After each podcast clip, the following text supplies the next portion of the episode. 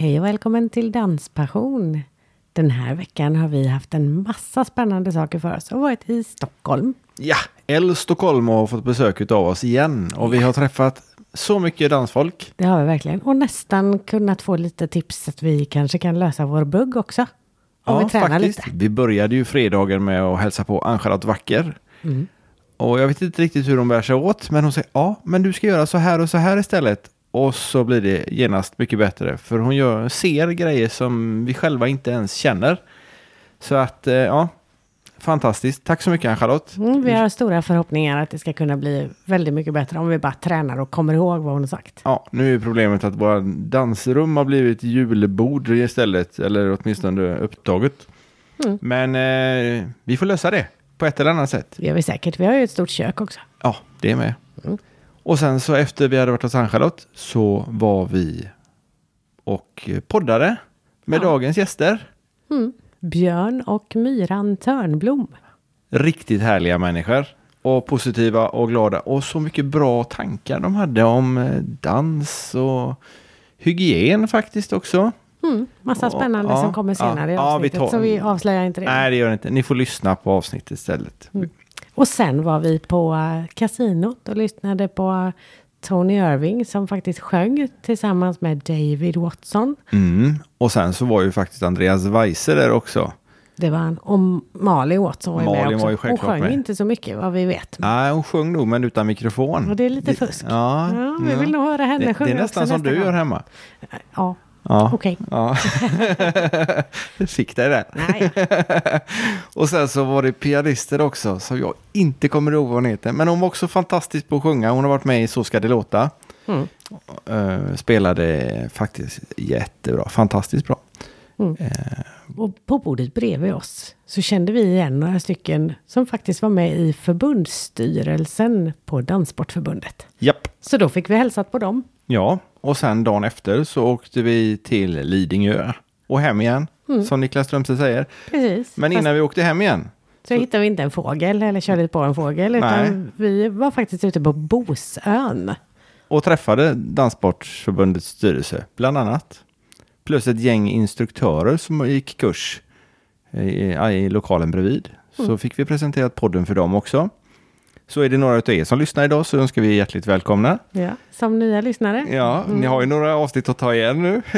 vi är faktiskt på avsnitt 21 tror jag. Ja, om man räknar med vår introduktion så är Ja. vi på 21 nu. Ja, ja det, det har gått fort. Mm. Och närmare 7000 lyssningar har vi kommit upp i. Mm. Och fler ska det bli. För ni får Absolut. så vansinnigt gärna dela och sprida det här. För att, Gör det. ja, för att vi vill gärna att folk som gillar dans lyssnar på det. Och ehm, vi hoppas att Danssportförbundet ska kunna hjälpa till lite grann också och sprida att danspassion finns. Mm. Och så kanske vi får lära oss lite mer så småningom om vad Danssportförbundet faktiskt gör för någonting. Mm, för tanken är att vi ska eh, göra små poddningar med hela styrelsen, inte på en gång utan en och en.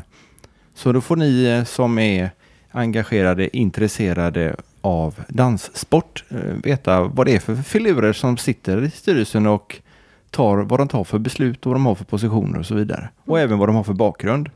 Har ni några frågor till någon av dem så skicka gärna in dem på våran Facebook. Antingen på Messenger eller också på någon annan typ av meddelande på Facebook. Ja, eller mejl går också bra. Mail går jättebra.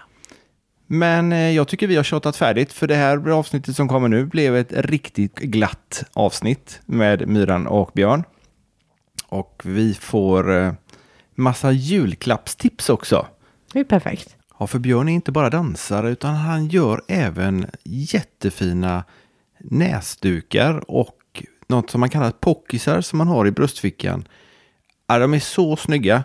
Så gå in och beställ, köp en julklapp till dig själv eller till någon annan. Jag lovar att de kommer älska dem. Det gör jag. Och jag kommer beställa nu innan jul. Och man får dessutom en jättefin liten, eh, de, de är inslagna i en jättefin paket. Ja, det, det, är så, det är så fint.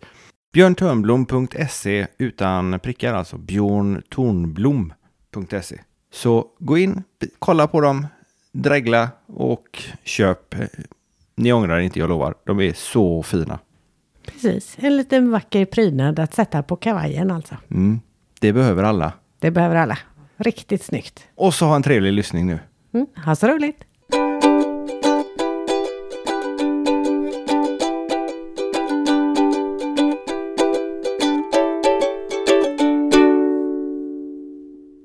Hejsan och välkomna till Danspassion. Idag har vi hamnat i Stockholm igen. Mm, Det har ju hänt förut. det har det verkligen och det kommer att göra det många fler gånger tror jag. För det är ju här alla roliga bor. Ja, det finns några kvar på Ja, Göteborgssidan faktiskt. också. Ja, det gör och det. i mitt i landet också. Ja, det kanske det gör. Ja. Ja, ja, vi får åka dit också. Men eh, vi sitter som sagt var i Stockholm denna gången. Vi sitter i en fantastiskt fin och julpyntad lägenhet hos Myran Törnblom. Och hon har även med sig sin härliga bror Björn Törnblom. Välkomna hit! Tack! Tack så mycket, tack. Ni är väl mest kända för att ni håller på med tiodans? Ja, kanske det. Det har varit en stor del av vårt liv. Till både tillsammans och nu på slutet då så undervisar vi tillsammans. Vi har ju tävlat tillsammans 15 år. Det har gått rätt bra också. Ja, det måste man ju säga. Trots att man är syskon. jo, det har det gjort. Faktiskt. Vi har ju, som sagt, vi har dansat 15 år tillsammans, så mestadels av tiden var vi väldigt på toppen där och fick representera Sverige och vara med på VM och VM och ett antal SM-titlar har vi, åtta stycken tillsammans. Så att, Jag tänkte ju säga, jag tänkte rabbla upp här, men det behövde jag inte då. Du var så ödmjuk i början där. Ja, några gånger har det väl gått bra. ja, Börjar ni, dansa samtidigt också?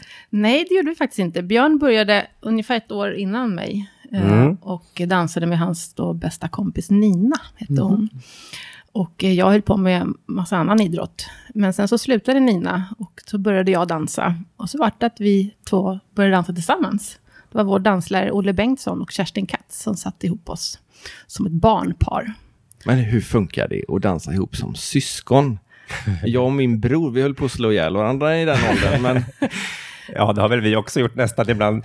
Det blir lite speciellt, det blir det ju. Ja, det Men gör det. samtidigt så blir det ju positivt för att man blir ju väldigt sammansvetsat team. Vi, lär ju känna, vi har ju lärt känna varandra väldigt väl genom det förstås, i och med att man umgås nästan jämt tillsammans. Vi bor ju tillsammans då, vi har tränat tillsammans, vi tävlar tillsammans, vi reser tillsammans. Så att vi har ju lärt känna varandra och fått en väldigt stark, stark band ihop och blev väldigt samdansade. Och ja, som man kan säga då ett winning team som det faktiskt blev. Verkligen. Men sen var det ju självklart eh, jobbigt också att dansa med syrran. Det var ju inte alltid kul. Det var ju alltid liksom, man trodde att gräset var grönare på andra sidan när det var andra tjejer runt omkring som dansade och tyckte man alltid var lite spännande. Så. Men, men eh, som sagt, i och med att det gick så bra för oss så, så höll det ju i 15 år. Så det är jättekul. det är rätt imponerande tycker jag. Eller hur? Ja, det tycker jag. Jag vill också tacka våra föräldrar för det. Som Ja, verkligen faktiskt. har ställt upp för oss. Alltså över 100 procent. Det är, utan dem så hade vi aldrig kommit så långt som vi har gjort i dansen. Och inte ens som tränare. Är de dansintresserade de med? De har blivit. De har Man är väl tvungen då Ja, kanske? nej, men de har inte dansat själva. Det har Nej. de inte gjort. Men eh, de har sett till att vi har haft en väldigt meningsfull, meningsfull fritid. Och att vi har fått ägna oss till det som vi har brunnit för och haft intresse i. Och eh, de har varit med på alla träningar, alla tävlingar. Och de har pushat oss och ställt upp eh, så oerhört mycket.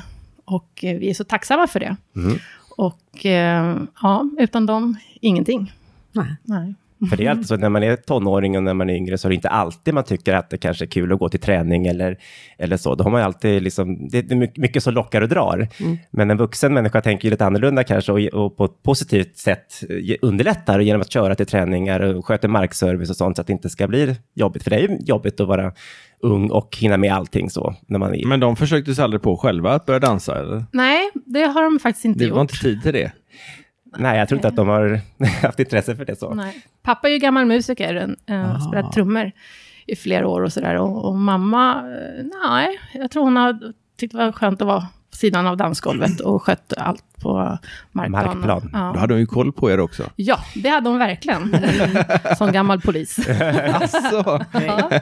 Ja, Men meningen, eller hon Ja. såg väl det som att hon tyckte att det var viktigt att vi hittade en, en meningsfull sysselsättning så att det inte skulle bli så att vi drev, drev omkring eller och kom på fel, fel vad säger man, spår. Ja. Eh, så att det var ju viktigt för henne att, att, att vi skulle hitta någonting som vi gillade och som vi ville satsa på och eh, lägga vår tid på. Och då la hon också 100% på det. Mm. Men Björn, provade du några andra idrotter också? Eller blev du fast för dans Jag gång? är ingen idrottskille, nej, så att jag hittade nog rätt med dansen på en gång. spelat Eh, Fast det inte var tävlingsdans kanske först som, som var, var tanken, varken från vår sida eller mammas sida, utan hon satte ju oss i dansskola för att vi skulle lära oss dans, så att det var Ah, liksom okej. som tillhörde allmänbildningen. Mm. Sen råkade det vara vår danstränare då, som också höll på med tävlingsdans, som såg kanske någon form av talang, jag vet inte. i Ja, det verkar ju ha gått bra. ja, precis. Vi ska att, säga det eh, att vår danstränare Olle Bengtsson, det var han som införde tävlingsdansen i Sverige faktiskt. Mm. Oj. Och han har själv då dansat i en VM-final och eh, hållit på mycket då på Nalen på den tiden det begav sig. Ah. Ja. Jättehärlig fin farbror, Häftigt. som tyvärr inte finns med oss längre. Nej, Mm. Tyvärr så blir det ju Spela så. ibland. trumpet tyckte jag du nämnde. Ja, det har brorsan gjort. Ja, just Ingen det. idrottskille då, men han har... Han med. Ja, jag med. Ja, jaså, är det sant? Jaha, vad härligt. Jag kan inte säga att jag hade någon kanske passion för, för det, men man skulle ju testa mycket och det var ju i skolan där på, som man testade musikskolans kurser och det var lite trumpet. Och syrran har ju spelat tuba. Får jag avslöja då? Där försvann hon bakom när hon var liten. Ja, jag kan tänka mig det.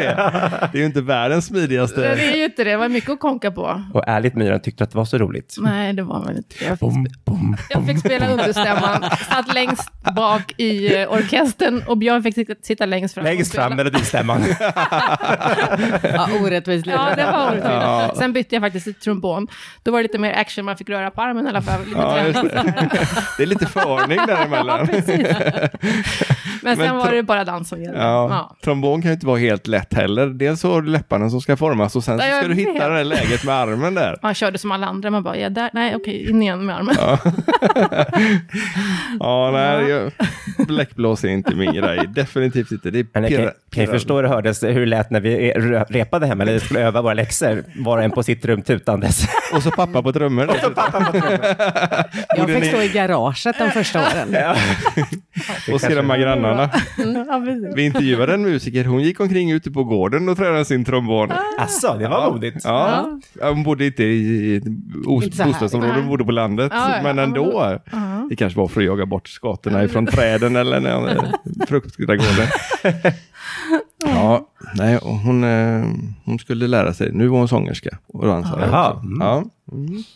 Myran. Ja. Hur får man ett smeknamn som Myran? Vi satt och spekulerade på hotellrummet igår. Hmm, undrar hur föräldrarna tänkte. Björn, ja det är ju ett djur. Myran, mm, undrar om hon är döpt till det? Ett litet mindre djur än en björn. Ja, Ja, men kanske flitigare. det skulle jag Oj, oj, oj. vilja påstå. Bra där. Eh, nej, men jag fick det smeknamnet när jag föddes, när jag låg på BB. Det var min pappa som tyckte att det var en liten myra som låg där. Och sen dess hade jag fått följa med. Och alla kallar mig för Myran idag. Och jag tycker om att bli kallad för Myran. Det är bara i formella papper som det står Katarina. Okej. Och min farmor, Flor, kallade mig för Katarina också. Hon tyckte det var så vackert namn. Men eh, alla andra säger Myran till mig och jag tycker det är jättekul faktiskt. Ja, ett smeknamn. Mm, Du har alla inte funderat på att ta över, flytta liksom på det som ett namn? Nej, det har jag faktiskt inte gjort. Men det kanske man ska göra. Ja, det borde ju inte vara möjligt om alla är... Nej, i och för sig. Det är ingen som vet vem Katarina Törnblom är. Nej, det vet Eller jag nästan. Eller väldigt få i ut. alla fall. ja. Men ni tävlar inte fortfarande ihop, utan ni tränar eh, elever. Mm, precis, det gör vi. Så ni håller, ni är instruktörer, Mm. Yes, danstränare.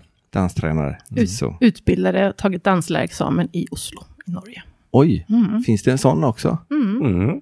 Men ingen i Sverige? Eller? Jo. Jo, det finns det nu, men då när vi skulle utbildas så fanns det nog inte så mycket i Sverige. Därför, vi har, vi har haft norska tränare i alla år. Erling och Anita Langset och Trine Deli, som är kända inom dansvärlden.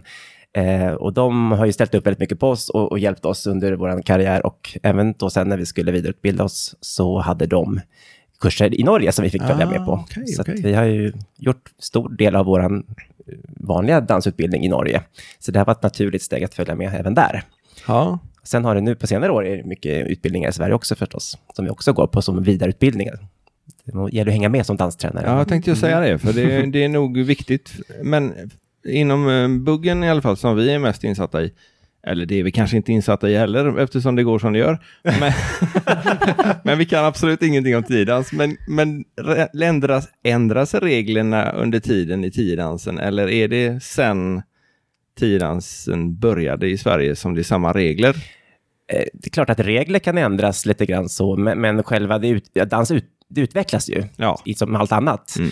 Eh, folk ska göra mer och värre och det är liksom, man kommer på saker som ska ändras. Så att klart att man, det gäller att hänga med. Och idag med, med YouTube och filmer och alltihopa så går ju utveckling ruskigt fort mot vad det gjorde när vi dansade. Så att, eh, men det händer ju saker hela tiden och det gäller att hålla sig uppdaterad. Är det några jättestora förändringar som har kommit som ni kan påminna er? Om man tänker på standarddanserna så är det ju, allting har ju blivit, eller det gäller ju latindansen också, allting har blivit mycket mer fysiskt och atletiskt. Mycket, mycket mera, eh, man ska, ja, mera sport om man tänker så. Mot, Ja, okej. mot, förut var det både sport och konstform har vi alltid pratat om i våran sorts dans. Men nu är det nästan bara sport som gäller, för det gäller ju att vara, vara snabbast och, och, och, och vigast och flexiblast och, och allting ska vara så mycket som möjligt.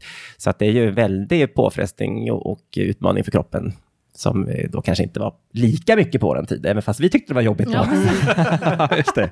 Så att allting blir ju värre och värre. Men det är tävlingspar ni eh, håller eh, instruktörer för? Ja, precis, som tävlar för Solna Sportens klubb då. Allt från nybörjare upp till svenska eliten och alla åldrar. Oj då. Ja, inte, inte vuxna ska vi säga, men från barn och ungdomar. Så Ja. håller vi på med. På vår egen fritid, ska vi också säga. För vi jobbar ju på dagarna som... Eh, ja, jag arbetar som lärare. Och, och Björn jobbar... Ja, just nu så har jag väl många olika... Jag tänkte säga just det. Vad gör du Björn? Ja, precis. Vad gör jag inte? Ja, det verkar vara en lättare fråga. Han är inte körskollärare. Nej, och inget 8 till 5-jobb. Nej, och ingen Nej, idrott. Och ingen idrott. Ja, där vet ni fåglarna. Inte dansidrott. Jo, jo, så. men det- Ja. bollsport. Nej, okej, ingen bollsport. Nej, om det är där som gränsen går. Så okej. Nej, men jag har ju alltid haft mitt jobb på Synsam som eh, rådgivare och eh, säljare. Det har jag haft sedan jag faktiskt, eh, mitt första jobb. Eh, så det har hängt med mig genom alla år. För det har varit, de har varit, de kunnat ställa upp på mina dansledigheter som har krävts för att man ska kunna utöva dansen då. Så det har varit väldigt bra jobb och ha kvar som jag också har trivts med väldigt bra. Så det har jag haft och det har jag senaste åren jobbat halvtid nu för att jag har massa andra saker. Jag har eget företag och jag har varit med i olika dansföreställningar och lite på turnéer och sånt där. Så eh, det är mycket som har olika saker som jag För när, vi, när jag eh, googlade på dig, det Mm. kommer upp ganska mycket. Du har bland annat Björn Törnblom Accessories, Ja, om det nu är rätt uttalat. Jag vet inte riktigt, men därom tvistade lärde vet jag. Jag tror att du själv att det hette accessories när jag döpte det, men sen har jag hört att man kanske säger accessories. accessories. Ja, det lät coolare tycker jag. Ja. Ja. Eh, och där har du bland annat en grej som, har du hittat på den själv? Ja, Pockis. det har jag faktiskt gjort. Berätta Po- om en det. pocky, precis. Och det, det är lite roligt, för det började ju, hela idén med mitt företag där, då var ju att jag använde väldigt mycket bröstnäsdukar på jobbet. Man har kavaj på sig och jag tyckte det var lite kul sätt att variera. Och en bröstnäsduk, det är den som sitter på utsidan Ja, i den lilla fickan, fickan där som precis. eh, finns i Olika kavajen. Mönster och färger. Ja. Eh, men jag märkte att eh, jag ville ju vika lite snygga vikningar och man köpte fina, eh, tunna, dyra dukar som inte höll måttet. De ramlade ner i fickan och ramlade ut, de ändrade form. Och då tänkte jag så här, jag är ju också utbildad inom tillskärning och sömnad och så, design, så att jag tänkte att här måste man ju kunna göra något bättre själv. Så då började jag göra egna bröstnäsdukar som då var fodrade med, ena sidan var enfärgad och andra sidan var mönstra till exempel. Och då vart det, de var de lite styrsligare så att det gick att vika. Jag experimenterade om det rätta, den rätta storleken för att det inte skulle bli för stort eller för litet. Och eh, ja, då vart de väldigt snygga. Det var ingen avigsida på, på näsduken och så. Och så gjorde jag till mig själv. Och så hade jag dem på jobbet och så fick jag så mycket kommentarer från kunder och, och, och kollegor som då ville börja beställa av mig när de fick reda på att jag gjorde dem själv. Och då tänkte jag, ja, det är klart att det kanske finns fler som har det här problemet med att de ramlar ut och inte håller måttet och, och, och försvinner ner i fickan. Så då, då gjorde jag en liten kollektion på skoj och bjöd in lite vänner till ett event och så visade jag vad jag hade och, och det tog fart som 17 där och folk blev intresserade. Och så hade jag faktiskt turen att få ha med dem i tv, för jag, en, en, eh, min bästa kompis var med och tävlade i ett program i tv och då hade vi också med dem där. Och då hade vi, eh, våran, eller stylisten till Rickard Sjöberg var med där och hjälpte till med smink och sånt och hon fick syn på dem där och eh, beställde då till Rickard Sjöberg, så han fick ha dem i Postkodlotteriet då, vilket var kul. Så då fick jag en liten start in där med, med eh, marknadsföring kan man säga. Och sen tog det fart. Men sen så var det så att då kom ju folk när de hade beställt de här näsdukarna till mig, att de ville ändå att jag skulle vika dem så att de var färdiga liksom. Och sätta en nål där så att de håller sig nu så här fint som du har i vikten. Och då tänkte jag, men det var ju, eh, vill de ha dem färdigvikt? Ja, men det finns ju faktiskt inte. Det kan ju, här måste jag tänka lite till på. Och då kom jag faktiskt på idé att sy färdigvikta bröstnäsdukar som sitter fast i en liten filt eh, ficka kan man säga. Så att den är snygg, platt och fin i fickan, står i fickan, ramlar inte ner och ramlar inte ut och håller sig lika fin hela tiden. Och som jag då döpte till Pocky. Åh, här kommer lite provexemplar Ja, så just som det, vi får ja. se på. Gud vad roligt. Nu måste jag filma lite tror jag. Jaha. Så En det, hel och det har ju blivit en, en jättegrej, för det finns ju inte i butikerna. Nej, men du syr dem själv allihop, eller? Ja, precis. Jag gör allting själv. Jag både designar dem och syr dem och eh, säljer dem och har hemsida för det. Ja, Så att, den eh, lägger jag igen på en länk till. Den är fantastisk. Problemet med den är att det finns så otroligt många varianter och man vill ha allt. Ja, men det är ju, och det är för att jag gillar att vara kreativ, så att jag kan ju inte nöja mig med några stycken, utan jag får ju nya idéer och kan göra nya vikningar och nya tyger som jag kommer över och sådär. Så. Ja, för det säljer du både näsdukarna och färdiga pockisar. Ja, precis. Och, men det är nästan så att Pockis har tagit över nu på slutet, för det är den som är det, det roliga och speciella. Du får skicka över hit så jag får titta ja, på dem. absolut. Sen är de så exceptionella att det faktiskt var så vi började prata med varandra första gången. För att Ja. vi bara såg en snygg karl med en fantastiskt snygg vikning på sån. Ja, och måste jag- vi prata med. Och jag har ju försökt de här näsdukarna och köpt eh, både utomlands och i Sverige och viker och, och precis som du säger, de faller ihop eller de faller Eller ut eller de... Och man Ja. tar på sig en ytterrock och så plattas det till och så Ja. ramlar och så är man nervös hela kvällen. Hur ser den här ut? Ja. Och hur många gånger ser man inte folk som har en näsduk där det sticker upp en liten, liten bit bara? Tänker, vad, vad har du där i fickan? Är det någonting du tagit? Första gången vi såg dem var på, eh, vad heter det, SM, när vi var Just där och det, kollade. Ja, ja. Mm. och då såg vi dig med dem. Och jag såg det och reflekterade över det och gick fram och pratade med dig om dem och tyckte de var så himla fina och frågade var du hade Just det. köpt den. Ja. Och sen såg inte Peter det. Så sen hade han varit framme hos dig också och pratat om det. Så Så var det det. var roligt. Precis. De väcker verkligen uppmärksamhet. Ja, men de är ju alltid snygga. De, De har ju sin vikning och, och, och ja, nu gillar jag ju färger så att jag har ju alltid Ja, det färg som är stark och syns. Men det behöver man ju inte ha. Det finns ju diskreta som är lite mer eleganta och smälter in också. Det ska finnas för alla smaker, både den som gillar att synas och den som vill vara lite mer diskret. Och vill man beställa nu så gör du också fantastiska paket till dem såg jag. Precis, Ja. nu har jag ju en julkampanj så att nu ingår det en fin presentinslagning om man beställer den nu till julklapp då. Jättefint var det. Och, eh, men som sagt var, det, ja, du vet ju vad jag önskar mig i julklapp Maria. Ja, jag vet. Men eh, det var ju det där med att bestämma sig då. Ja, det får ju du göra då, då slipper jag. Jag tänkte att Björn kunde göra det annars. Ja, det ska vi nog hitta. Ja, vi, ja de är jätte, jättesnygga. Är de. Ja, vad kul. Verkligen. Ja, men det är och roligt. På hemsidan har du dessutom, om man köper näsduk, eller du kan ju gå in och titta ändå, där har du ett gäng YouTube-klipp Just det, hur man viker eh, Som näsdukarna. gjort själv, om man precis. inte vill ha en färdig. om man har näsdukar hemma men inte vet hur man får till dem där, precis, Precis. så finns det instruktionsvideos hur man kan vika lite olika roliga vikningar då. Men de bygg, det bygger på att man ska ha en Björn Tömlum Accessories Självklart, eftersom de inte, just det, eftersom de inte har någon bärs avigsida som är... Nej, precis. eller Hur kan man komma på tanken att göra en näsduk som har en ful avigsida med en ful Ja, det finns ju- söm? finns Då ju går inte bara- att använda den då. Nej, det finns ju bara en vikning i så fall och det är ju... Precis. Annars så ser man ju baksidan. Ja. Sen har du ju väldigt trevliga namn på dem på hemsidan också. Ja, men jag vill ju ha en liten personlig touch på det där, så att de är ju, i alla fall till en början med, så var, är de ju dansrelaterade Mm. alla. Eh, både i danser och steg och lite termer då. för att Det, skulle hade jag lite- inte sett först, men igår när vi kollade, då märkte jag att ja, men wow, det är verkligen danspassion även där. Ja, precis. Ja. precis. Nej, de är, de är jätte, jättesnygga är de. Ja, vad kul, tack. Och sen så, om vi fortsätter på din arbetsbana, ursäkta mig Amira, men du har ju ett jobb. ett normalt jobb. Precis. Sen har du varit med, senast har du varit med i Tobias Karlssons föreställning Dansa samba med mig, Ja, precis. som nu har gått i graven. Usch vad hemskt det Ja, det lät. där lät hemskt. Det hoppas vi ju inte att det har. Alltså, Nej, den föreställningen den ligger och vilar. över, men vi hoppas att det ska komma något, någonting mer. Ja, det sa han när vi Jaha. intervjuade honom. Han sa att, jag frågade, blir det ingen fortsättning? Jo, självklart blir det fortsättning. Men han visste inte när och han vill, eller han ville inte berätta det i alla fall. Nej, han släppte ju faktiskt vår sista föreställning som vi hade, så sa han att det, det kommer komma någonting om, om ett tag. Vad vet vi inte, men, och när vet vi inte, men han har tankar i alla fall, vilket Ja. vi blev jätteglada. För att det här har ju varit en fantastiskt rolig resa att få vara med i det här eh, gänget som är så härligt. Ja. Bara det, och så föreställningarna som har varit magiska, som vi kanske inte har förstått egentligen när vi har stått och repat. Hur, för när vi började för cirka fyra år sedan med den första föreställningen, En dans på rosor, så visste ju ingen någonting om det här skulle lyckas. Vi visste att vi hade fått 45 föreställningar bokade på Metropolpalais som det hette då i Stockholm.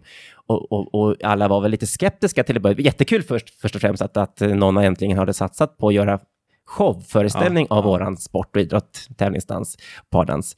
Men man tänkte, kommer det bli någonting? Kommer folk att komma? Liksom, det är I Stockholm, det är konkurrens med allting, så att alla var ju så lite tveksamma vad det blev.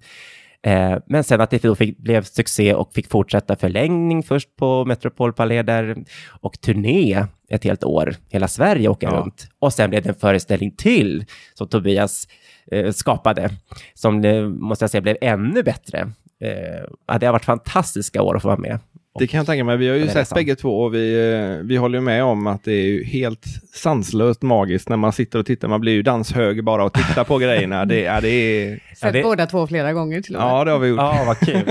ja, men det är så häftigt också, för vi, får ju, vi avslutar ju alltid föreställningarna med att komma ut, eller Ja. avsluta ute, i pu- ute i foajén efteråt, så att folket kommer ut och då får vi träffa dem. Och det är inte så vanligt oftast när man har på en föreställning när artister och sånt står ute, men det är så himla kul, för då får vi ju verkligen möta och just när vi inte har, har kanske förstått själva att det har varit så bra, för att vi tycker vi dansar och har kul på scenen och så.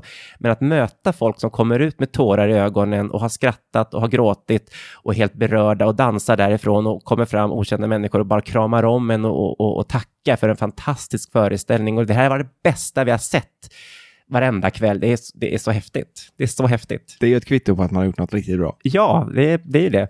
Och vi som bara säger, herregud, och vi har bara roligt. Vi bara liksom älskar det här att få göra det tillsammans och, och få stå på scen efter alla år.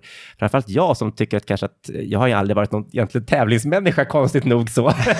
men det, Är det Myrans förtjänst att det gått så bra då? Ja, hon har ju mer faktiskt varit Ja. tävlingsmänniskan. Jag har ju mer tyckt om själva, själva konstformen dans och, och jag älskar ju mer att stå på scen och så. Men då, i och med att det här enda forumet för våran dans har ju varit tävlingsdans och det har ju varit en väldigt bra, bra mm, kan man säga, träning att bli bra förstås, för att man har tränat för tävling. Men att nu då stå på scen med för detta faktiskt konkurrenter som det faktiskt är, för vi känner ju varandra sedan, sedan alla år inom danstävlingsbranschen där. Men nu gör vi någonting tillsammans är väldigt häftigt. För alla är ju vana att tävla mot varandra och bara tänka liksom resultat och träning och liksom så. Men att nu få göra det här tillsammans som grupp och bara underhålla är fantastiskt kul. Ja, för det är ju väldigt många danser som är i grupper. Det är inte bara ett par som är ute och dansar på de här föreställningarna, utan det är ju, det, det är ju det går i varandra, så man undrar, man skulle vilja se det de här föreställningarna en, en sex, åtta gånger så man hinner fokusera på ett par i taget. Ja, det är mycket som händer på scen, det är det. Så det är att eh, en, eh, en försäljning av eh, video, på- eller DVD heter det numera. Ja, vi hoppas att det kommer en sån. Ja, det hade varit det är många bra. som frågar efter den. ja, ja, vi får ta upp det med Tobias, Ja. absolut. Men eh, sen, eh, nu håller du på, nu såg jag på ditt Instagram tror jag det var, att du börjar med något annat redan med en gång. Ja, jag har ju haft, fått turen att faktiskt få vara med i eh, Jonas Gardells nya stora show på Cirkus i vår. Queen of fucking everything heter den.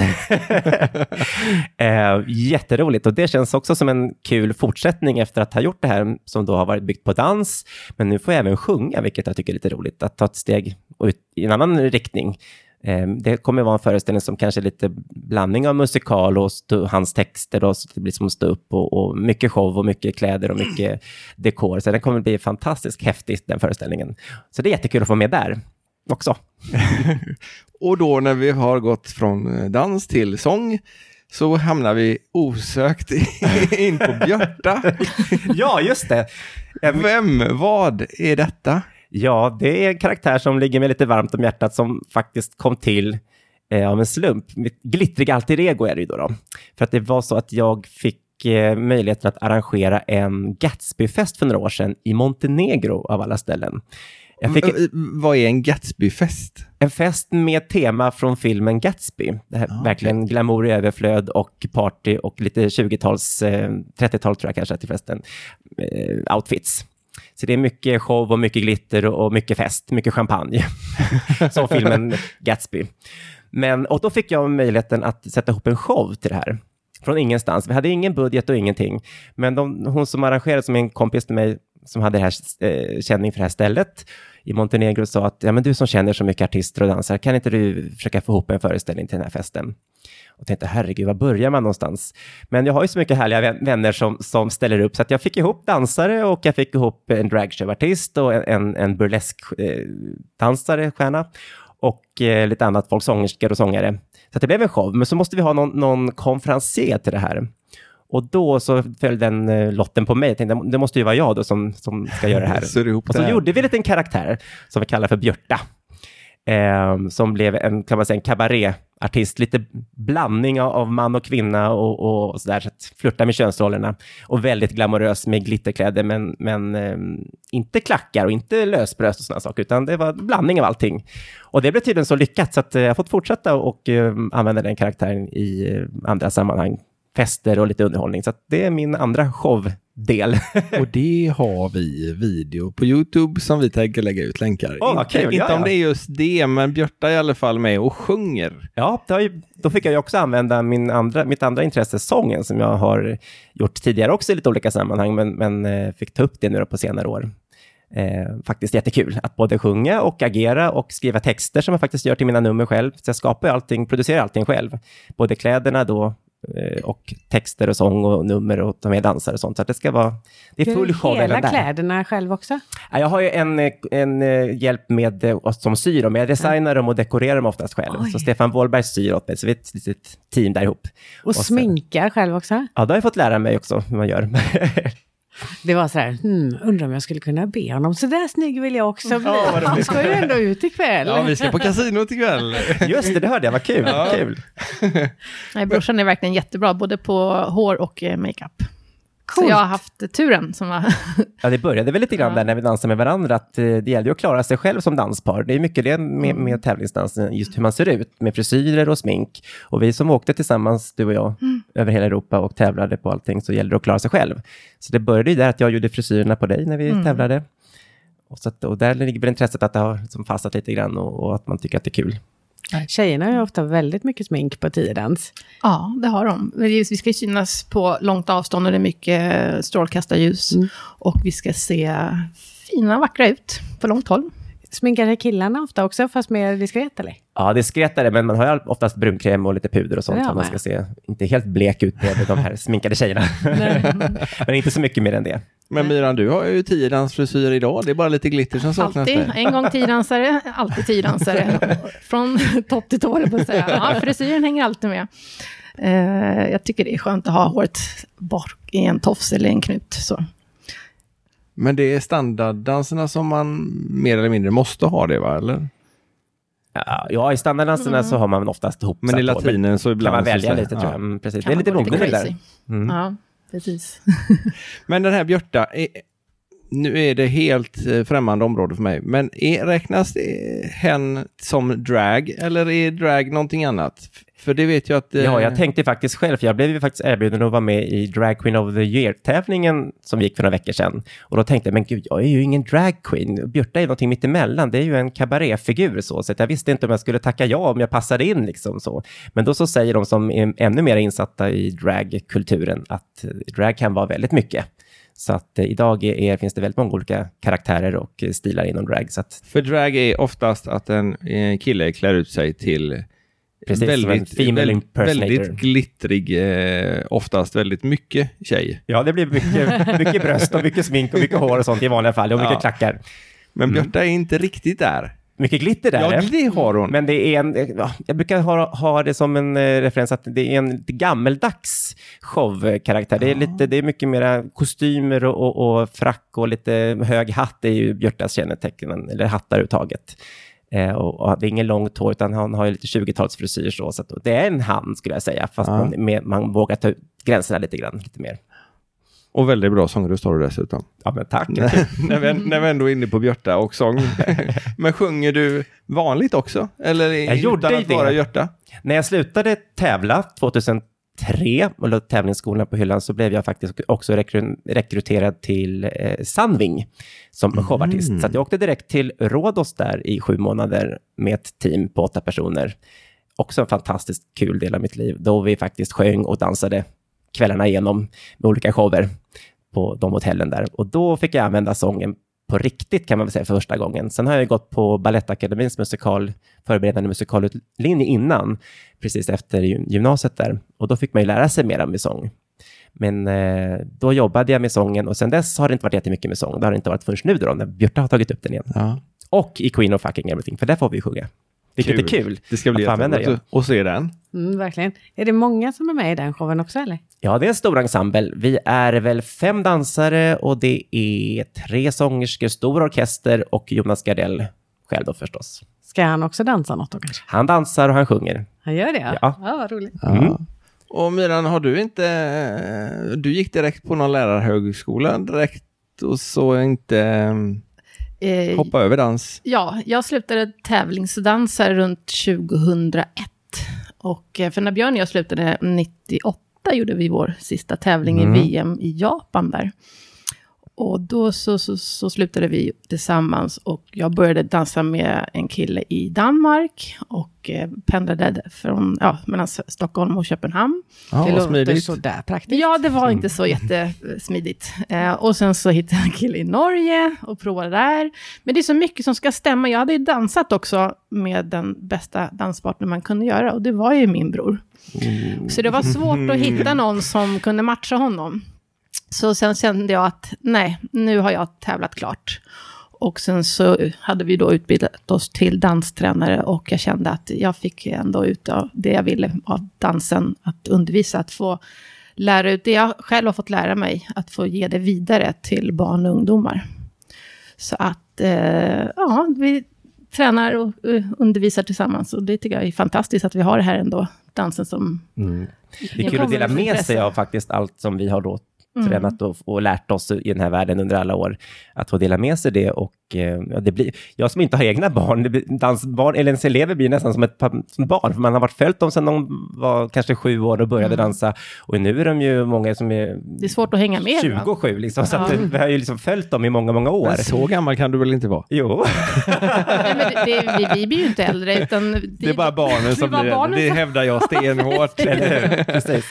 Ja. Nej, men det är häftigt att följa med, för det, jag tänker, det det är inte så att man som i vanliga fall man kanske har danskurser, det kommer, folk kommer och går, så här får man ju verkligen följa dem, för att de, de stannar ju oftast i många, många år, och man får följa dem i deras personliga utveckling, och, och de kanske var jätteblyga när de kommer till dansskolan första gången, och så får man se hur, hur de förändras, hur de mognar, och sen hur de blommar ut på dansgolvet när de är lite äldre sen. Det är fantastiskt att få följa med och, och vara med och, och, och skapa det. Hur kommer det sig att ni slutade att träna, äh, tävla tillsammans? Vi kände väl gemensamt att 15 år som syskon och vi hade uppnått våra mål. Vi var, Vad var målet? mål, ja, målen var väl att vinna SM-guld och det gjorde vi både som tidansare, både som juniorer och i vuxenklassen. Även eh, så vann vi SM i standarddanser, både som juniorer och även i vuxenklassen 97. Vi representerade Sverige vid EM och VM flertal tillfällen, även vid Nordiska mästerskapen. Och hade som bäst en tionde placering på tidans VM i Frankrike. Och vår sista tävling då i eh, VM i Tokyo, vi slutade verkligen på topp. Vi har aldrig dansat så bra, så vi gjorde den tävlingen. Och det var verkligen en häftig känsla. Mm, det det. Och sen då kände vi att nej, men nu är det dags att gå skilda vägar och eh, utvecklas på varsitt håll för att ändå få hålla sig kvar inom den här sporten. Så det var väl det som vi kände att nu, är det, nu har vi gjort allt som vi har kunnat tillsammans. Men du hittade någon ny danspartner också, Björn? Ja, jag började också pendla då, inte lika långt som till, eh, till Danmark, utan jag hittade en tjej i Nyköping. Så att jag började dansa, eller pendla dit, men det var också lite slitsamt. Att, eh, då hade jag också min fantastiska pappa som ställde upp och körde ur och skur eh, direkt efter jobbet till Nyköping för att jag skulle träna där två timmar och sen köra hem igen. Två kvällar i veckan, ni förstår ju vilket slit på vintern i snöslask och alltihopa. Och det var sena kvällar och, och visst, hon kom hit en gång i veckan och, jag skulle åka dit två gånger i veckan. Och mycket, mycket, det var, men det var slitsamt till slut. Och resultaten kanske inte varit det som vi kanske hade hoppats på. Och då blir tänker man efter lite grann. Eh, sen fick jag ett, ett, eh, en erbjudande av en annan tjej som bodde i Stockholm. Så att jag valde då att fortsätta med henne istället. Eh, och det var lite lättare då, för då bodde vi båda i Stockholm. Så att jag höll på några år till där och vann ett SM till då med min nuvarande partner då, Diana. Lite nuvarande, men dåvarande. Dåvarande, ja, ja. precis. Innan vi, vi också kom till den, eh, vi hade också några år väldigt eh, fruktsamma inom det här kan man säga. Vi hade väldigt bra resultat på en stor internationell tävling som heter Dutch Open, eh, där vi kom femma. Det var väldigt, väldigt bra för att vara svensk då. Det var massa par som, som eh, var med där som, det var sen, man trodde inte det var sant att vi kom till final och vi kom femma på den tävlingen. Det var helt otroligt. Eh, och så fick vi också möjlighet att dansa på en anrik eh, danstävling som heter International i London. Vi dansade i Royal Albert Hall och det är nog inte många Oj. svenskar som har kommit så långt att man fick komma till de sista finalerna i Albert Hall, för det är uttagningstävlingar innan. Eh, så vi- gjorde väldigt bra år där tillsammans. Men sen känner man samma sak där, att om vi nu ska satsa ännu mera och eh, nå ännu högre mål, så måste vi satsa ännu mer. Och vi tyckte att nu, har vi- nu med jobb och alltihopa, många, man tävlar ju då mot många som, som kanske inte behöver jobba, utan som är sponsrade och som, det är en helt annan liga om man säger, om man ska ta ett steg till. Så vi kände att nej, men nu har vi gjort det vi kan och, och vi har inte möjlighet att satsa ännu mera. Så nu fortsätter vi att göra shower tillsammans, uppvisningar och undervisning och så. Så vi la tävlingsskorna på hyllan 2003 där. Men då var det en ganska bra avslutning. Nummer Det var två. väldigt, vi var väldigt nöjda och eh, hade presterat det vi ville. Mm. Ja, det måste vara svårt när det är så, så få egentligen som utövar sporten så att man måste åka till Danmark eller Norge eller även Nyköping och hitta någon som det klickar med. För åtminstone, nu har jag ju inte dansat mycket tiodans, men när man dans eh, bugg och foxtrot, då känner man ju att det är no- vissa som det stämmer klockrent med. Mm. Och, och, och hitta den, Det är som ett förhållande. ja, Det är mycket som ska stämma och man ska ha kul ihop och man ska vilja satsa lika mycket. Och bara det. Längderna ska också. stämma, ålder ska stämma. Ja. Så att det, det är, och tyvärr så är ju dans en väldigt liten sport i Sverige. Om man jämför med många andra europeiska länder och Danmark som är ett nordiskt land och man kan tycka ganska likt. Och Norge också. Men de har haft, de har haft världsmästare och lite sådär. Och det, det är en annan kultur där på något sätt. Det har satsats lite, lite annorlunda än vad man har gjort i Sverige. Och det påverkar ju då förstås.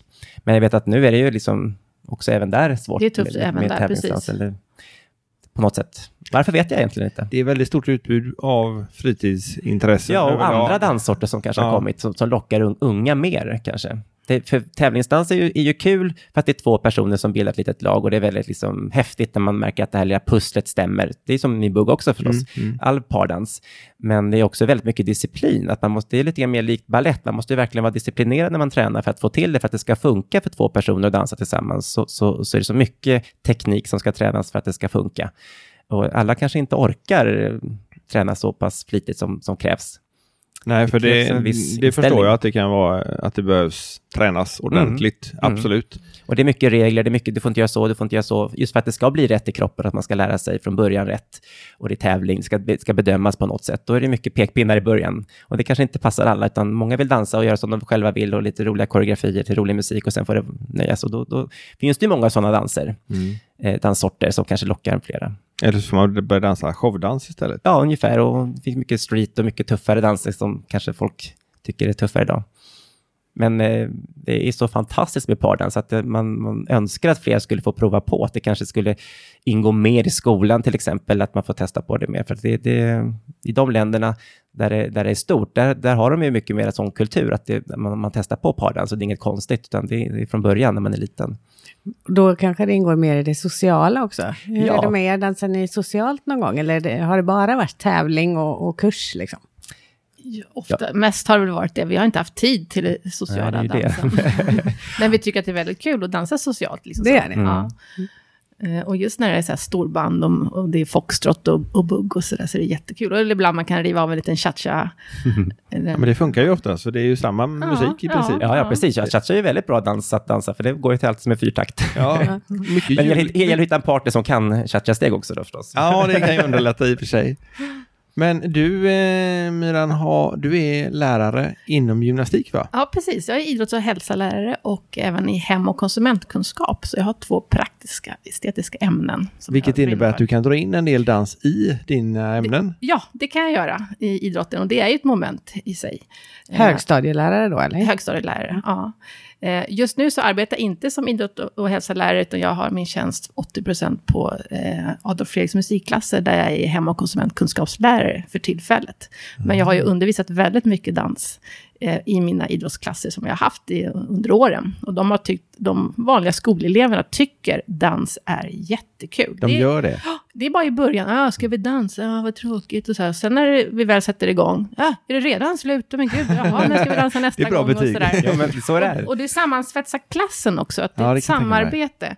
Och de, tillsammans så utvecklas de och just bara det här hålla i varandra och dansa och, och, och ja, men det är ett rent samarbete. Och det gynnar och det är fantastiskt bra för elever i skolan att få dansa. Och det är inte så jobbigt eller så eh, ja, läskigt som många tror att det är. Och ta i varandra eller Ja, ja. Nej, men just den grejen att killar och tjejer tar på ett or- ordnat sätt i den Mm. åldern som man oftast när man är ute och undervisar i skolklasser, att, att man håller på ett sätt och, och det är liksom så här, istället för att peta på varandra och tafsa på varandra och testa sig fram som man kanske oftast gör i den åldern, eh, att man avdramatiserar det, att man gör någonting ihop, två Mm. stycken i team, eh, kille och tjej. Det det man, ofta när vi är ute på, i skolor och sånt så blir man förundrad. Man kommer in och tycker att det här kommer bli en jobbig klass. Och lärarna står bara och gapar efteråt. Vad hände? Vad gjorde ni? Hur kunde ni få de här att, att dansa med varandra? Det trodde vi aldrig. Eh, så det är ändå speciellt med pardans. Men det är ju förmodligen en stor del av det är ju att ni själva inte har några skrupler eller problem med det. Nej. Så när ni Ja. tar om varandra och ska ha Ja. en viss fattning så är det ju liksom, det Det är bara så naturligt, man det finns gör. inget annat. Nej, Nej. precis. och att alla är med. Ja. Det är ingen som sitter och tittar på, utan alla ska vara med, alla Ja. ska prova. Och eh, man, det är så härligt att se, och när, man, när man sätter på musiken då alla ska testa, hur leendena blir jättestora och de bara står och ler och trampar de här stegen och tycker att det är jätteroligt. Och den tuffaste killen som kanske var jobbigast i början, som absolut inte skulle dansa, kommer fram och dunkar en i ryggen och tackar en. Fy fan vad roligt det var, tack snälla, fan vad kul det var. Ja, Då är det ju liksom en, en boost som heter Ja, absolut, absolut. Men Myran, jag har läst eh, att du tycker att eh, dansen har givetvis påverkat era bägge liv, men även att eh, den påverkar eh, uppträdandet och respekt för andra människor. Mm. Kan du utveckla det? Ja, men alltså i dans, får, det är ju en sport där vi mycket vett och etikett och hur vi för oss bland människor. Och eh, vi är så vana att vi tränar ju tillsammans i olika åldrar. Allt från barn upp till seniorer. Eh, och man lär sig att prata och umgås med alla. Vi lär oss hur vi ska... ehm, Ta hand om vår partner, Ja, att, att man precis. är artig och trevlig, att man samarbetar med partnern. ja, Och hur man för sig på golvet är ju en viktig del i vår liksom, kultur eller vår sport. Det ska ju se snyggt och propert ut och det är en En- gentleman. Och, precis. och, och, Riktig gentleman och ta Mm. hand om sin dam på golvet. Och vi ska ju, damen ska ju verkligen bara blomma ut och, och se fin ut. Lite och- gammaldags är det Ja, ju men det men det tillhör kulturen på något sätt. Ja. Det känns väldigt viktigt tycker jag. När man tittar på det också, för vi har ju varit och tittat på några tävlingar nu Mm. eftersom vi är lite nördiga. Eh, och det känns väldigt viktigt att även om det går dåligt på dansen, att man faktiskt går tillsammans ut och ändå liksom tar hand om varandra. För Ja. vi har sett några där man går ifrån varandra direkt efter golvet. Men det är väl inget trevligt att titta på? För det är ju Verkligen samtidigt, en, om man tänker, det är ju publik som sitter och tittar på en föreställning eller på en show. Det är Ja. ju inte bara att vi ska ut och tävla, utan det är en underhållningsform för publiken. Och det är väl inget kul att se folk som är besvikna och går åt varsitt håll och är arga Nej. på varandra. Så det är ju lite att uppföra sig, att visa god min och, och en sportslig attityd, att man, man måste kunna ta en motgång. Mm. Lika väl som en framgång då. Ja. Precis. Eh, och det är vi väldigt måna om att prata om med våra par. Att går det dåligt och, och ni skulle inte komma till final eller vinna den här tävlingen, så visar man inte det på dansgolvet. Utan man kan bli besviken inombords och, och sen visa det kanske när man går av golvet eller när man kommer hem. Men på tävling så är man där och man representerar sig själv som par och man representerar sin klubb och man visar gott sportströmme. Liksom så. Det är jätte, jätteviktigt. Och det går även att använda och applicera det i vardagen. Ja, det är ju Mm. faktiskt så. Och, och, och sådana saker som håll, kroppshållning som vi pratar om väldigt mycket om. Dansare får ju väldigt bra hållning och det är också bra att få med sig i arbetslivet när man ska söka jobb, att man har liksom en, en approach som är positiv och självsäker. Och som jag pratade om innan, att det kan komma barn som är jätteblyga och osäkra när de börjar hos oss och sen får man se att de liksom faktiskt får självförtroende och, och blir duktiga på någonting och de är vana att folk tittar på en, vana att få kritik eller man ska säga när man undervisar att man ska göra bättre och så. Så att man, man, man får ju en, en styrka som människa som man använder sen vidare i livet eh, som är väldigt positiv med, med hållning och, och allting. Ja, och jag tänker också att man, det gäller ju att det är inte bara undervisa dansen, utan det gäller att undervisa också hur man går ut på golvet och tar emot och tackar domaren, och man ska bocka, och man ska niga, och man ska ta eh, ett handslag, liksom så. Och då övar vi på det. Man stänger inte fram en död fisk liksom, med handen. Har du bara tackat ska- domaren någon gång? Vad menar du? Ja, men som, ja, men Det de beror på som- vad hon fick? Nej, men jag tänkte om man får en eh, medalj eller något sånt där. Ja, du Ibland menar så det- prisutdelning? Ja, ja. prisutdelning. Mm, mm. att det gäller att ha ett bra handslag. Eh, och det är i vuxen ålder också, när man är ute och kanske söker jobb eller man ska hälsa på folk, så är det viktigt att ha ordentligt bra handslag, för det säger ganska mycket om en person. Det gör det verkligen. att man Håller kan med. hälsa ordentligt. Och det är förvånansvärt många som inte har ett bra handslag och ändå pratar alla om hur viktigt det är. Ja, mm. Det är nästan lite märkligt. ja, och just att titta i ögonen när man hälsar så. Så det tycker vi, det, det får de också med sig i den här sporten. Ja, den är bra. Den är bra för eh, vardagslivet också. Man, Mm. Vett och etikett helt enkelt. Mm. Hur, man, hur man behandlar människor, hur man... Det, borde du, det borde du väl kunna ta med i eh, hemkunskapen, eller på säga. Där pratar jag väldigt mycket om det. Och jag ska också gå in på ämnet hygien, där jag brinner lite extra för. att här, Det är bra på danskurs också. Ja, men det är ju det, för man, vi står ju varandra så nära, både en danspartner och eh, eh, oss som tränare. Och det är viktigt att ha en god hygien, att duscha dagligen och efter, även den här idrotten som då tävlingsdans, att man är, vi duschar ju innan träningen. Mm. Och ska dofta gott och ha rena kläder på oss. Eh, Rena kläder, ja. Inte de som du hade förra Nej, träningen. precis. Och det är inte självklart för alla. Nej. Så att det, Nej. Myran är väldigt duktig där måste jag säga och, och undervisar väldigt eh, bra. Mm, det, tack. det är inte alla som tänker på sånt. Nej, men det, det känner man dagen efter. Ja, och alla kanske ja, och vi inte- framförallt som Ja. vara nära. Nej, men sen, Ja, jag alla kanske det. inte får med sig det här hemifrån. Nej.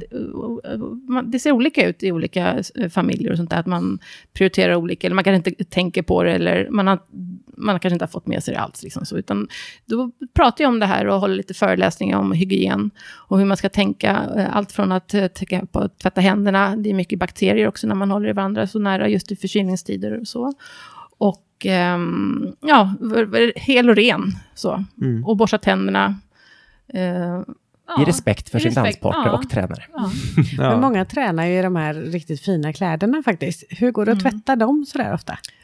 Vädra mycket och eh, ibland då skölja upp så. Att man bara, in, inte kanske kör i... Inte 60 grader Nej, precis. med. Då Det är kanske inte är så många som tränar i sina tävling. Du tänkte tävlingskläderna kanske. De är ju väldigt senaktiga med material och stenar och sånt där. Så de tränar man kanske inte i. Men de Nej, måste men de här vita skjortorna som Ja, precis. har. Man har ju en viss dresscode när man Ja. tränar eh, i våran, för att man ska inte komma så långt ifrån den outfiten vi faktiskt har när man tävlar, så att det inte ska bli så stor omställning. Mm. Så att man ska känna sig, och det är här som pratar om att det är lite gentlemanaktigt, att man ska liksom ha en viss hållning och, och man ter sig på ett visst sätt och man beter sig mot sin partner och dansen framför allt. Att man, man, är man lite finklädd så, så syns det även i dansen och märks i dansen.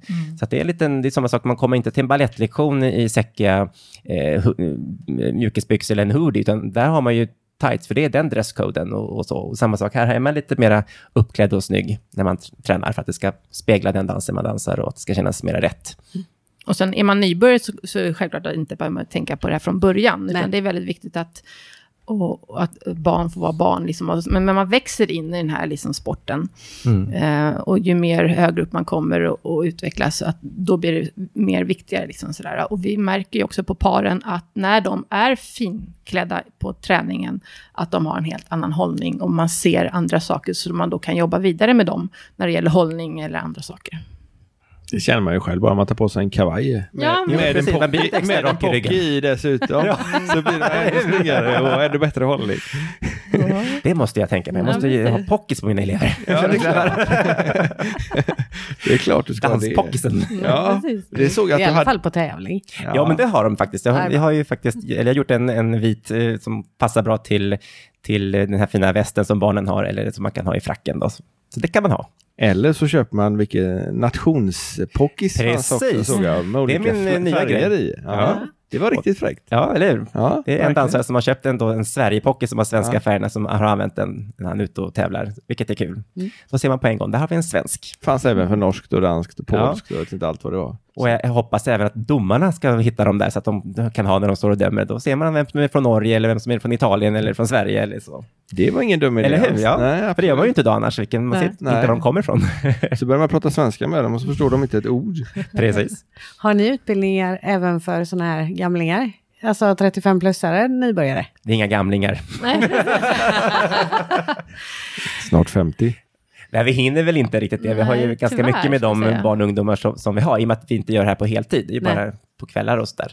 Så att vi har, har inte tid för det faktiskt. Nej. Men man är det en skulle klubb vilja. här eller? Nej, det finns inte. Vi är en ganska liten familjär klubb. Och vi har ingen studio så där, så att vi Nej. hyr in oss på olika tider när det behövs våra tävlingspar. gymnastiksalar i Solna då. Mm. Så det är barn och ungdomar och Mm. unga vuxna eller vuxna? Det är De har blivit vuxna ja, med tiden. de har börjat hos oss som, när de var barn. Ja. Och sen så har de ju vuxit upp och passerat 20. Så då är det väl unga vuxna ändå så. Men de har inte börjat kanske hos oss när de har varit runt 20. Utan, men vi, alltså, alla är ju välkomna. Men och alla ska ju lära sig samma steg. Mm. Så vi har ju inte någon direkt åldersindelning, utan vi har mer att det är, är man helt nybörjare så är det en grupp, och har man kanske hållit på några terminer så är det en grupp nummer två, och har man börjat tävla så är det tävlingsgruppen, och är man elit och tävlar på hög nivå så är det elitgruppen. Alla är alltid välkomna till oss, men vissa kanske har då tyckt att det är lite svårt eller jobbigt att, ja, är man då vuxen så ska man stå och trampa steg, jag en sjuåring. Men vi tycker bara det är charmigt, för det, det här är vår idrott och, och alla åldrar är välkomna och vi alla ska lära sig samma steg. Så det är Mm. bara, tycker jag, fint egentligen. Men just vuxengrupper i Solna Sportdansklubb har vi inget så att vi kan rikta in oss på just nu. Nej. Men det kanske kommer framöver.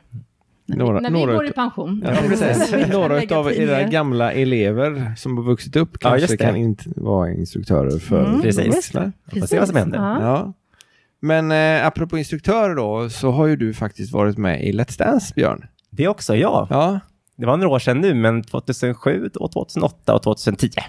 och då tävlade du med Malou von Sivers. Malou von Sivers, Susanne Lanefelt och Gudrun Schyman. Åh, gud. Tre mogna, härliga kvinnor. Underbara och roliga på sitt sätt, verkligen. Olika, Ja. men, men fantastiska. Det var kul. Men hur går det ihop när du säger att eh, det, är viktigt, det viktigaste är att man behärskar basic-stegen? Gäller det även Let's Dance? Let's Dance ska man veta, det är en un- ett underhållningsprogram och det är klart att eh, man kan inte kräva att de, de som deltar i, i Let's Dance ska göra, vara lika duktiga som tävlingsdansare. Någonstans måste man ju fuska lite grann. För visst, de lägger ner fantastiskt mycket tid, men det är ju också, någonstans måste man fuska. Så att det gäller att hitta en balans där. Vissa grunder måste man ju börja att lära sig för att kunna gå vidare och få till någonting överhuvudtaget. Men man lär sig ju inte allting som man lär sig på våra vanliga kurser, det gör man ju inte, utan man gäller att hitta en, en, en hitta, ja, dels så gäller det att hitta vad de här personerna har lätt för och är duktiga för att använda det så mycket som möjligt. Men eh, man står ju inte och nöter lika mycket och lika länge som, som vi gör i vanliga fall, det gör man ju inte. Just tekniken. Var det kul att vara med på Let's Det är Dance? fantastiskt kul. Det är ju, är ju en, en bubbla man går in i som är, där händer så mycket och det är så roligt. Det är väldigt, men det är också väldigt jobbigt. Men det, kan, det, det är ju mycket att man ska peppa, men inte bara danstränare. Vi är också en Nej. psykolog som ska ta hand om eh, de här personerna som kanske inte mår så bra när de har fått kritik eller när det har gått dåligt och, och så. Så det är väldigt mycket som, som hänger på oss som, som dansare. Eh, Men, det är jätte... men sen beror det på vem man får också. Jag hade ju turen att få tre mogna, världsvana kvinnor, alla på sitt sätt. Så jag har haft fantastiska säsonger. Men det är inte alltid man har kanske turen att få det. Det kan ju finnas folk som får osäkra människor, då är det ju väldigt jobbigt. Och jag ska väl lägga till också att de har ju haft turen att fått dig som danspartner, Björn, för du är ju den bästa. Och det, vet ju, det har ju de sagt också, att du är den som kan föra dem. Och du är så otroligt snäll och om, omtänksam och en fantastisk pedagog. Ja, men tack. Ja, men det har funkat väldigt bra. Det har det gjort med de här, med mina partners. Det har varit jätteroligt. Alla har varit väldigt olika, men, men eh, väldigt kul.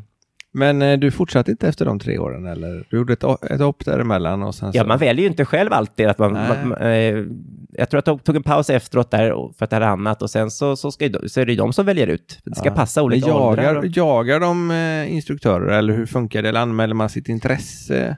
Jag Både tror att och, har man varit med tidigare så, så behöver man väl inte kanske, då behöver man inte komma på någon ny audition så, utan då Nej. vet de ju vem man är. Och sen så, så är man intressant för dem så hör de ju av sig och så, men de brukar vara ganska sena med att ta ut och så, så att eh, det är inte alltid det passar i övriga livet. Nej, man måste ju stå till förfogande i tre, fyra månader liksom så. Ja.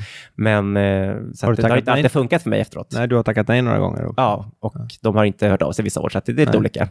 Och i vår lär det ju inte funka då. I år funkar det absolut inte, jag är upptagen. har du också fått frågan om att vara med i Let's Dance, Myra? Ja, det har jag fått. Men jag har tackat nej. Jag har fått även frågan och varit på intervju inför en, uh, ju, sitta juryn i Let's Dance. Nej. Mm, det var lite kul att få frågan i alla fall. Ja. Eh, Men inte ens det kunde du klämma in i schemat? Eh, jo, nej, jag får säga. Det är väl så här, jag tycker... Björn är väl mer, tycker om att synas och höras. Jag gillar väl att vara lite mer i bakgrunden. Eh, och just det yrke som jag har, att jag är lärare, så är det ganska skönt att inte vara, bli en offentlig person. Det går ju ganska snabbt i idag i, Mm. att vara med i tv. Att man kan figurera på nätet och folk tycker och tänker om en. Eh, och... just man träffar så många elever så är det ganska skönt att vara en neutral person så. Men det, jag tycker det är fantastiskt kul att Let's Dance finns, för det är en bra reklam för vår idrott. Även om det är mer show än vad vanlig Mm. tiodans är så är det ju ändå åt det hållet. Mm. Och det har ju blivit ett uppsving, Ja. eh, verkligen. Och just att idag vet folk vad tiodans är för någonting, för, vad det är för idrott. Förr fick man alltid förklara, men nu kan vi ju säga, ja men det är de här danserna i Let's Dance. Ja, ja, ja, men det vet jag vad det är för Ja, det är mycket så. enklare. Ja. Ja, det är väldigt skillnad måste man säga. Ja. Förr visste ju ingen vad det var för någonting. När vi dansade var man tvungna att förklara. Någon hade sett något litet klipp på Eurosport. Ja, just någon sen natt Som när det gick någon. EM-final eller något sånt där. Men folk visste inte riktigt så mycket. Så att det där har ju verkligen förändrats. Ja, nej, det, är, det är väldigt, väldigt roligt att vara på Let's Dance-föreställningarna eller tävlingar eller vad man ska kalla det för. Men på Let's Dance, vi har varit där alldeles för många gånger. Men, det är väldigt eh, trevligt. Det är, och det är sån skön stämning. Ja. Och alla är positiva och glada. Och, Ja, men programmet har förutom ju den stackaren allt. som åker ut då. Du har ju både humor, du har vackra kläder, bra musik, du har kändisar, folk kämpar på ett bra sätt, det är tävling och det, det har ju så många delar och alla de här olika åldrarna och personligheterna gör jättemycket för programmet. Så att alla kan titta, alla Ja, kan hitta någon som man gillar. publik, Ja, verkligen. Ja, verkligen. Det är ett fantastiskt koncept. Men apropå kläder, Myran, Mm. vad har du gjort av alla dina tävlingskläder? Har du kvar dem eller? Några har vi kvar, eh, hänger i källaren. Eh, de flesta har vi sålt av. Eh, det är svårt att spara alla. Eh, men eh, ska jag också säga att Björn har ju varit en fantastisk designer. Så han har ju designat mina klänningar och vi har haft en egen sömmerska i Solna Sportdansklubb som har sytt upp de här då genom åren. Eh, mycket minnen är det ju i kläder och vissa har man ju som favoriter och sådär. Men det handlar ju också om, det är ekonomi i det också, att det kan vara svårt och ibland är det bra att sälja av så man får in lite pengar för att kunna satsa i en ny klänning och så. Ja. Men eh, ja, några hänger kvar i källaren kvar. så, som är väldigt speciella och har fina minnen. Och då kommer ju nästa fråga då. Eftersom du är sambo, Mm. ska du gifta dig någon gång nu så det är planerat? Och kommer du då Björn designa hennes bröllopsklänning? Det hoppas vi ju. det vore roligt. Jag har faktiskt inte pratat om tror jag, bröllopsklänning så, men... men eh, Du kanske ja. inte vill gifta dig? Det var bara liksom... Det var ju jag som kläder. friade va, för några år sedan, så att, det hoppas jag. Det är bara att det ska hinnas med Ja, precis, det kommer ett litet barn emellan. Ja, Så, Jag ska i alla fall vara wedding planner ifall det Ja, så. precis. kommer Björta vara med? Det vet man inte. Får vi se. Ja, det vore roligt. Absolut. Men ni har, du har ett par barn, bonusbarn Mm, som, stämmer. som är med och dansar också? Eller? Ja, En- båda bonusbarnen, Ma- Matilde och William, har provat på tävlingsdans. Idag så är William fortfarande kvar i tävlingsdansen och eh, går hos oss, är elev hos oss i Solna sportdansklubb. Och det är så kul för att när han var yngre, han är 12 år idag, och när han var 5-6 år så, nej, han vill absolut inte börja dansa. Men de har ju varit med från början. Jag träff- när jag träffade dem så var de två och ett halvt och fem år gamla. Så de har ju varit med på alla danstävlingar, de har varit med på dansläger och på träningarna. Så de har ju fått se från start vad det är för idrott vi håller på med, jag och Björn. Men sen så var det ju spännande. Matilde eh, håller på med eh, gymnastik och är väldigt duktig där i Brommagymnasterna. Och, så det tog över mer och mer och hon hade intresse för det. Och då när syran slutade så började faktiskt William dansa då. Och då var han kanske runt eh, tio, nio år. Så. Och han tycker att det är jättekul idag. Och han är, har sån fin talang och han tycker det här är roligt. Och han har en jättefin danspartner han dansar med som heter Elin. Och de två tillsammans samarbetar väldigt bra och det har gått väldigt bra för dem också. Men det viktigaste är att de har ju så kul tillsammans, att de gör det här ihop. Och vi får då stå vid sidan om och pusha dem och hjälpa dem. Och ja, det är jättekul att se dem utvecklas i det här och då få ge det här vidare. Och ha det inom då familjen, att det blir en familjesport. Och um, åka med på tävlingar och, och sådär. Ja, det är jättekul faktiskt att få ha med det här vidare och få ge det till William. Och han är så duktig, han är så intresserad av det. Väldigt engagerad. Mm. Och har liksom kanske hört då väldigt mycket hur vi har pratat om när vi diskuterar olika saker. Så han har ju liksom fått med sig det. Så att det är så, ibland blir man så förvånad för han kan så mycket. Mycket mer än vad vi tror att vi har sagt åt honom. jo, men så här ska man göra och så här är det viktigt att tänka på. Det det, det. Jaha, det har du fått med. Han är väldigt liksom lyhörd, så det är jätteroligt. Även små grytor har öron. Absolut, precis. väldigt stora öron. Men som kille och dansa tiodans, Björn, eh, har du eh, blivit mobbad någonting för det eller?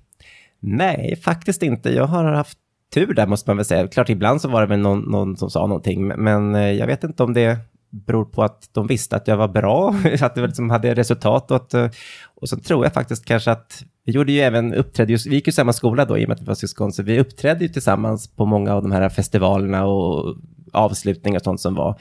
Och det var väldigt populärt vet jag. Och det är, det är så kul för att det vet man även när man har träffat nu idag, när man träffar gamla skolkamrater av en slump och sånt, så kommer de ihåg, jag kommer ihåg när ni dansade uppvisning, du och syrran. Ni var så duktiga, så jag tror kanske att det var något sånt, att man, att man visade vad man gjorde och att, att folk tyckte det var häftigt och coolt. Och då kanske inte varit någonting att, att, att retas för eller så. Ofta så retas man ju någonting man inte kanske vet vad det är, eller liksom sådär att man är, osäker. man är Osäker. och har okunskap. Av, avundsjuka. Ja, precis. Ja, det Men jag är det faktiskt lyckligt lottad. Jag har faktiskt inte blivit mobbad eller retad av, av det. Och jag minns... Trots att du är kille. Ja. Men och William då? Din bonuspojk? Ja, och han har klarat sig också väldigt bra. Jag Ja. tror många av hans klasskamrater ser upp till honom. Att han tycker att han är duktig och bra på sin idrott. Och William har ju fått vara med mycket, tänker, han har fått vara med i Nyhetsmorgon och dansat där och blev intervjuad. Han har fått vara med i ett radioprogram på P1 i Tendens. Och eh, det har ju klasskamraterna hört och sett. Så jag tror de tycker att det är kul och det är coolt att William dansar. Och William har ju hållit en danslektion på idrotten för hans klass. Och lärt ut och eh, cha-cha och vals. Och se, bara att vara liksom 11-12 år och, och göra det, det tycker jag är jättehäftigt och coolt gjort och jättebra. Det är Så- imponerande. Ja, Mm. så det är roligt, att det kan bli så istället. Ja, precis. Att det blir en positiv. Mm. Och sen att, tror jag också att Let's Dance har gjort mycket för att folk, just att folk vet vad det är för dans eh, vi håller på med och att det har varit tuffa killar med Let's Dance och alla har dansat och det är liksom accepterat och det är inget konstigt så. Det tror jag också har spelat en roll Mm. i dagens att, att jag tror inte att det är många som, hoppas inte att det är så många som blir retade för det i alla fall. Nej. Nej, och det är ju verkligen en, en sport, en idrott. Eh, och prova på dans, ska ni se hur tufft det är. Det krävs en enorm kondition och smidighet och koordination. Taktkänsla, samarbete och allting. Och bara att upp och svinga en liten cha eller vad det nu kan vara, en liten vals. Så många blir faktiskt andfådda och svettiga direkt. Det, det, Det här är tufft alltså, att hålla på med det här. det ser man ju på den, en del av deltagarna i Let's Dance. Både att de Precis. går ner rätt mycket i vikt Mm. och Precis. att de eh, är Blir förvånade. helt slut. att det, jag jag vet Magnus Samuelsson tävlade med Annika Sjö. Han sa jag har aldrig varit med om något så jobbigt. Och han har varit världens, eller, ja, världens starkaste Ja, man just tror jag det. han hade som titel. Mm. Fast han tränade ju mer intensivt eh, istället eh, korta intervaller Mm. medan ni håller på dagarna i ända. Vi trä- alltså varenda muskel, till och med smile. Mungiporna. Och det säger ju en, ja, men det säger ju en del att mm, det är en bra träningsform. träning. Ja, och, väldigt rolig träningsform. Och att man glömmer också bort att man tränar. Mm. Faktiskt. Och så till musik. Ja, Eller hur, häftigt. precis. Och två stycken Ja, tillsammans. ja det, men ni har varit med i, ni, ni har ju uppträtt på, eller uppträtt, ni har varit med i filmer Ja, just det. Mm. som det par också, också. En, en kul grej med det hela, att, i och med att det, det är ju en speciell sport och det är inte jättemånga som utövar, så att det är ju tacksamt att använda som underhållningsform och i filmer och... och, och Musikvideos. Ja, precis, så att vi har fått turen också att vara med väldigt mycket och kommit ut och sett saker och varit med på just videoinspelningar och filminspelningar och uppvisningar på ställen som man aldrig skulle ha kommit annars. Just i underhållningsform, både som barn och ungdomar och vuxna. Så att det är också en, en sida av den här sporten som har varit fantastisk. Att man faktiskt har fått komma ut och se väldigt mycket som man inte skulle fått göra annars. Det var, det var någon film med Colin Nutley. Ja, precis. Colin Atleys eh, Sista dansen var vi med i på början på, eller på 90-talet. Och egentligen så var vi för unga för att vara med där. Men när vi satte på oss tävlingskläderna och sminkade och satte upp håret så såg vi lite äldre ut och fick vara med. Bland de stora och leka. Ja, det var kul. Och det ledde sen till att eh, Colin ville ha med oss till eh, Rickard Wolffs eh, eh, musikvideo. Sitter en Pojke pojke på på månen. månen. Precis. Där var jag med och dansade lite samba. Och den lägger vi upp en länk till så ni får se. Ja. Jaha, vad kul. Ja, Kul. den hittade jag på YouTube. Ja, just det, den ligger nog där. Och även eh, Army of Lovers har vi varit med i. Deras, det, var, det var ett stort minne, måste jag, kom, eller, ska, måste jag säga. Jag kommer ihåg, för då var vi ganska unga också. Det Ja. var väl vår första roliga grej vi fick Ja, göra. ja. Att vara med i en filminspelning, så det tog två dagar, det var sent på natten och komma in i den här häftiga studion som var uppbyggd då. Army of Lovers, det är ju mycket av allting. Och se dem framför allt, det var liksom häpnadsväckande och häftigt och kul att göra, vara med där och dansa. Det är ett Det eh, häftigt roligt. minne. Ja, verkligen.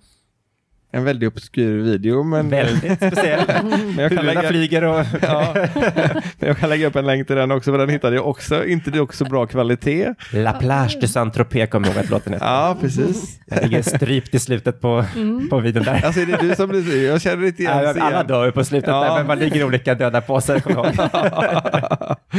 ja, det var häftigt och kul, speciellt. Ja, kan jag tänka mig. En minne som man har kvar. Ja, verkligen. En annan rolig grej är att vi har varit med i Lilla Sportspegeln. Eh, De f- började följa oss eh, redan 1987 på en tävling. Björn och jag gjorde ett SM i, i Täby.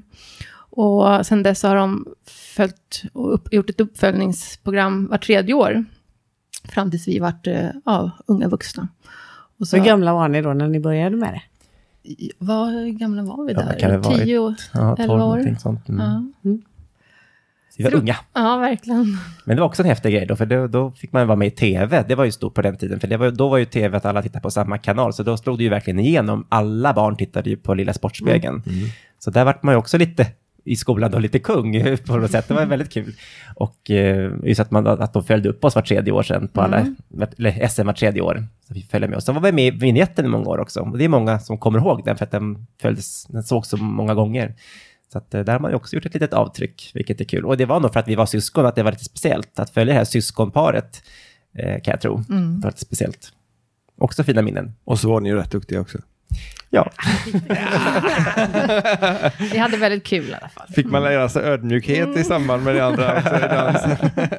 Vad tur att de valde er då eftersom ni höll på så länge. Det hade ju varit snopet om de började följa ett par och de slutade efter ett år. ja precis. precis. Jag vet inte om det var bestämt att de, att de jag tror jag inte, vet du, det var nog så att, ja nu var det SM igen och, så, och det här syskonparet håller ju på igen då, så att det var nog inte bestämt att de skulle följa var tredje, det bara blev så. Eh, att, de, att det blev... Ni fick inte ett krav på er, ni måste hålla på i tre. Nej, det var det inte. Det var det inte, inte vad jag kommer ihåg. Jag kommer däremot ihåg att det var att det var, om det var sista omgången, de sko- så, så var Jane Björk och gjorde inslag på ett SM då. Och sen så ringer de på, om det var på natten, och ber om ur, ursäkt över att det har blivit fel. All film de hade spelat in från tävlingen och intervjuer och alltihopa hade blivit fel. De hade stoppat in en svartvit film istället för färg eller något sånt där. Och vilket de var jätteledsen över och det vart inget reportage och de skulle sända det på måndagen eller vad det var, tisdagen. Men då, då fick de eh, ändra planer att vi fick komma till studion istället och dansa i studion och göra eh, intervjun där. Så Oj. det vart ju en häftig grej också, att komma till tv-huset och, och dansa där. Så det var för oss vart det ju nästan häftigare. Lite mindre golvyta dock bara. Ja, precis. Ja. Minnen som sitter kvar. Ja, precis. ja det är häftigt. Sen har vi våran standardfråga vi inte får missa. Det var nästan nära nu. Ja, det jag. var nära nu. Ja. Oj. Vad är danspassion för er? Vem vill börja? Danspassion är väl lyckan och glädjen att få göra någonting som man verkligen brinner för, som är dansen skulle jag säga. Det hör man ju på ordet, danspassion, man får ju passion för någonting och vi som är dansare, vi brinner ju för dans. Och för mig så är det väl kanske mest då egentligen då dans på scen eller att få underhålla med dansen som är min passion på senare år. Ja, och för mig, vad är danspassion? Eh, att njuta, att dansa, ett, det är ett flow på något sätt. Man, man blir ett med sin danspartner och det är fantastisk musik man lever ut i och bara få dela med sig av sin glädje. Och, ja, det är en häftig Njuta. känsla när man väl kommer, just, jag tänker just när man själv är på på tävlingsgolvet, att det är sån en häftig, ja, det är en enorm härlig känsla man får där ute.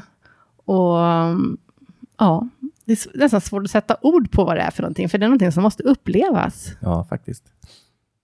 Ja, det, det, Det är väl det man saknar om- kan man säga med tävlingsdansen. Just det här att man står på tävlingsgolvet och an- antingen har prisutdelning eller liksom man tar emot applåder när man är färdig med sin final som man har kämpat sig till och tränat hårt inför. Den känslan saknar man kanske fortfarande idag. Man, man kanske inte saknar de här hårda slittimmarna i träningsstudion på samma sätt, men just den här lyckan att lyckats Tillsammans, Ja. för man är ju inte, med det lilla teamet. som man är ju två Mm. faktiskt, och som ska dansa som en. Och, och kunna göra alla rörelser tillsammans. och det ska sitta perfekt. Ja, det ska göra Så det domarna är nöjda just också. där och då när det verkligen gäller. Mm. Ja, det är häftigt. Kände ni stor skillnad beroende på vad det var för musik som kom? Jo, men det, musiken gör väldigt mycket. Men det, det får ju inte... Även om det är en låt som, åh gud, den här har vi hört hundra gånger på träningarna, så får inte det eh, speglas på tävlingsgolvet, utan då gäller det att köra och tänka liksom att man får tagga till ändå. Så. Men musiken gör ju väldigt mycket, absolut. Det är lite speciellt faktiskt att vi vet ju inte vilken musik som kommer när vi tävlar just. Nej, Det, man vet ju takt och, och sånt där och vilken sorts eh, musik, men inte vilken låt direkt. Så att man kan inte, det är inte koreograferat till någon speciell låt som kanske inom konståkning och, och andra eh, danser kanske. Men, eh, så därför är det, man, man kan ju tagga till när man gillar låten självklart och dansa extra bra. Och man får inte låta sig på, eh, reagera negativt när det blir en dålig låt förstås. Men, det det, kan är bli lite tjusningen. Det kan bli tvärtom också, att det blir en för bra låt. Det känner vi i buggen i alla fall, för där har vi ju ingen koreografi. Åh, åh, nu är låten. Åh, det är den här goa låten. Och så blir det för mycket så man glömmer Oj. tekniken och man... Ja, det blir kul men det blir inte bra. Okej, ja. ja, det kan det kanske bli. Jag, jag tycker väl att, att musiken då i sådana fall, fast det beror kanske på också på... Men tvärtom kan det absolut vara också, Ja, så man får ja. låtsas att den är bra. Ja, Joho, ja, ja, vad tuntig den är. Den kör vi bara. Ja, kom igen. Pokerface på. Ja, exakt. Fake it till you make it. Absolut. Mm. Tusen tack för att vi fick komma hit och prata med er idag. Det, Det var, var- jätteroligt. Riktigt, riktigt roligt. Tack kul. själva. Tack själva. Jättekul. Och ni har jättemycket julstämning här hemma Jag med älskar allt som har med julen att göra, så jag går ju all in. Du ska se badrummet och sovrummen och allting. Ja, badrummet såg jag. Det Ja, var det såg röda handdukar Ja, och- Ja, Ja, Ja. Myran är en riktig julmor. Mm. ja. Det har varit fantastiskt trevligt. Och Tack. tack så mycket för att vi fick komma hit. Och tack så mycket för att ni har lyssnat på detta avsnittet. Ha det gott. Hej, hej. Hej, hej. Hej då. Hej då.